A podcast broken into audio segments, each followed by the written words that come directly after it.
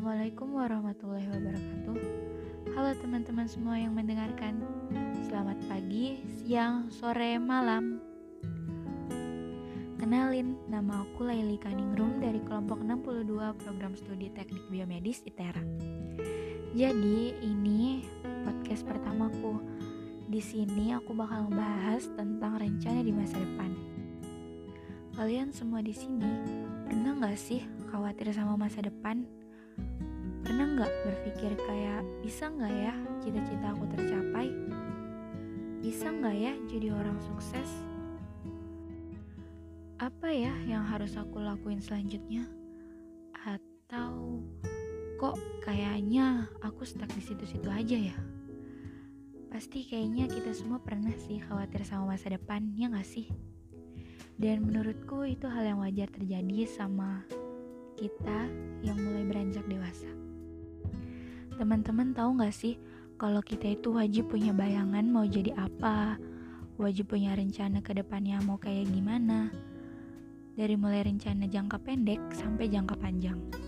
Karena kalau nggak kayak gitu, masa depan kita bisa suram. Nah, misal rencana pendeknya itu kalian mau aktif di organisasi yang ada di kampus atau di sekolah gitu deh.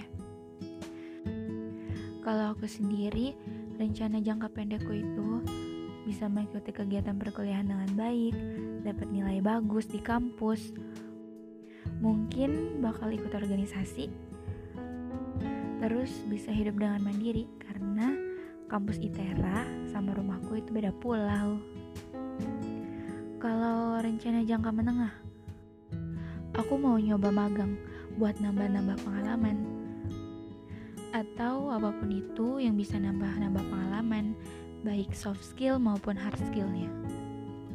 Nah, kalau untuk rencana jangka panjang aku, aku mau membanggakan dan membahagiakan orang tua pastinya.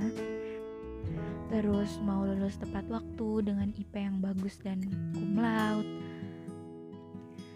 uh, terus bisa kerja di instansi ternama atau kalau bisa buat lapangan pekerjaan sendiri.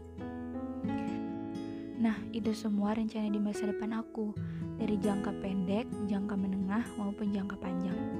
Kalau kalian gimana? Udah mulai menyusun rencana masa depan?